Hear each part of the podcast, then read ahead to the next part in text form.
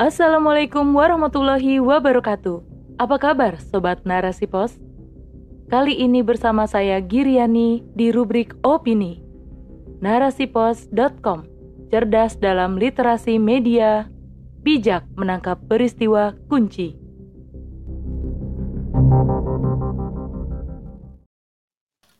Korban begal jadi tersangka oleh Louis Sartika. Begal adalah salah satu jenis kejahatan kriminal yang sangat mengerikan bagi hampir setiap orang. Bagaimana tidak, begal bisa saja berbuat keji terhadap korbannya apabila korbannya berupaya melakukan perlawanan atau jika situasi mendesaknya, mulai dari kekerasan secara fisik hingga kehilangan nyawa pun menjadi resiko.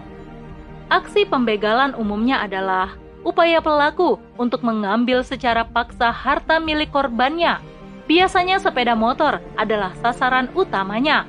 Seperti kasus yang terjadi beberapa waktu lalu di wilayah Lombok Tengah, tepatnya di Jalan Raya Desa Ganti, Kecamatan Praya Timur pada hari Ahad malam 10 April 2022.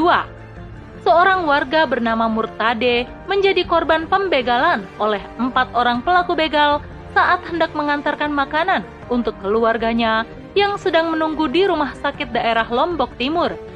Saat itu, dini hari, Murtade mengendari sepeda motornya. Namun, di tengah jalan, ia diadang oleh empat orang pelaku begal yang berniat merampas sepeda motornya. Karena ingin mempertahankan sepeda motornya, akhirnya korban berusaha melawan para pelaku dengan mengeluarkan sebuah senjata tajam yang dibawanya dari rumah.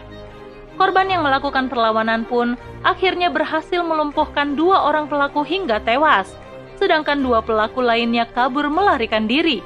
Setelah berhasil melawan para pelaku, korban pun berusaha meminta pertolongan di sisi dua pelaku yang sudah tewas bersimbah darah di tangannya. Atas kasus ini, korban akhirnya ditetapkan sebagai tersangka pembunuhan oleh Polres Lombok Tengah. Namun, yang menjadi sorotan publik adalah mengapa korban yang seharusnya mendapatkan pembelaan hukum justru malah dijadikan sebagai tersangka? Kasus ini terus bergulir dengan berbagai komentar-komentar dari masyarakat hingga akhirnya pada Sabtu 16 April 2022 pihak Polda NTB menerbitkan surat perintah penghentian penyidikan terhadap Murtade selaku korban begal sebagai tersangka. Beginilah penerapan hukum yang berlaku di negara dengan sistem sekulerisme di mana atas nama hak asasi manusia, hukum seakan menjadi hal yang bisa dimodifikasi sesuai keperluan manusia. Padahal dalam Islam, hukum melakukan pembelaan diri terhadap kejahatan adalah perkara wajib untuk dilakukan sebagaimana hadis yang diriwayatkan oleh Abu Hurairah radhiyallahu anhu. Ia berkata bahwa ada seseorang yang menghadap Rasulullah Shallallahu alaihi wasallam dan berkata, Wahai Rasulullah, bagaimana pendapatmu jika ada seseorang yang mendatangiku dan ingin merampas hartaku? Beliau bersabda, "Jangan kau beri padanya." Ia bertanya lagi, "Bagaimana pendapatmu jika ia ingin membunuhku?"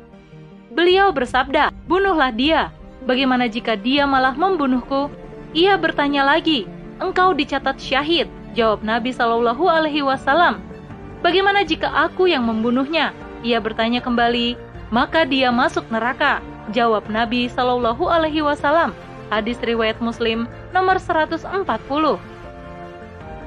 Dilihat dari sudut pandang yang berbeda, banyak pula yang berusaha menyelidiki mengapa korban saat itu membawa senjata tajam. Apakah memang sudah dipersiapkan untuk hal-hal seperti itu dan semacamnya? Namun, korban mengatakan bahwa menyertakan senjata, terutama saat berpergian jauh pada malam hari, merupakan hal yang sudah lumrah dilakukan guna berjaga-jaga dengan situasi seperti itu.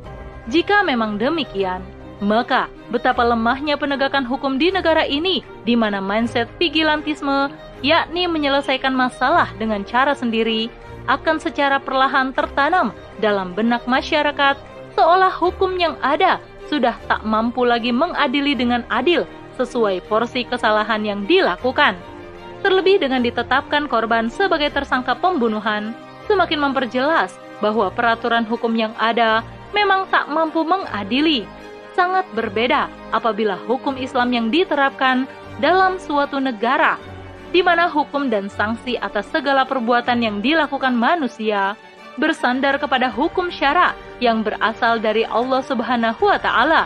Maka tidak akan terjadi ketimpangan maupun peradilan yang tidak sesuai sasaran karena hukum Islam murni dari pencipta sendiri yang mengetahui segala hal tentang manusia sebagai makhluknya, bukan yang lain, apalagi hukum buatan manusia sendiri.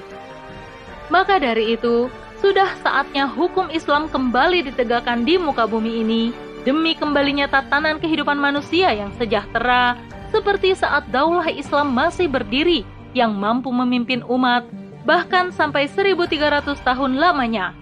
Seharusnya sudah cukup menjadi bukti betapa Islam adalah jawaban dari semua kebutuhan manusia.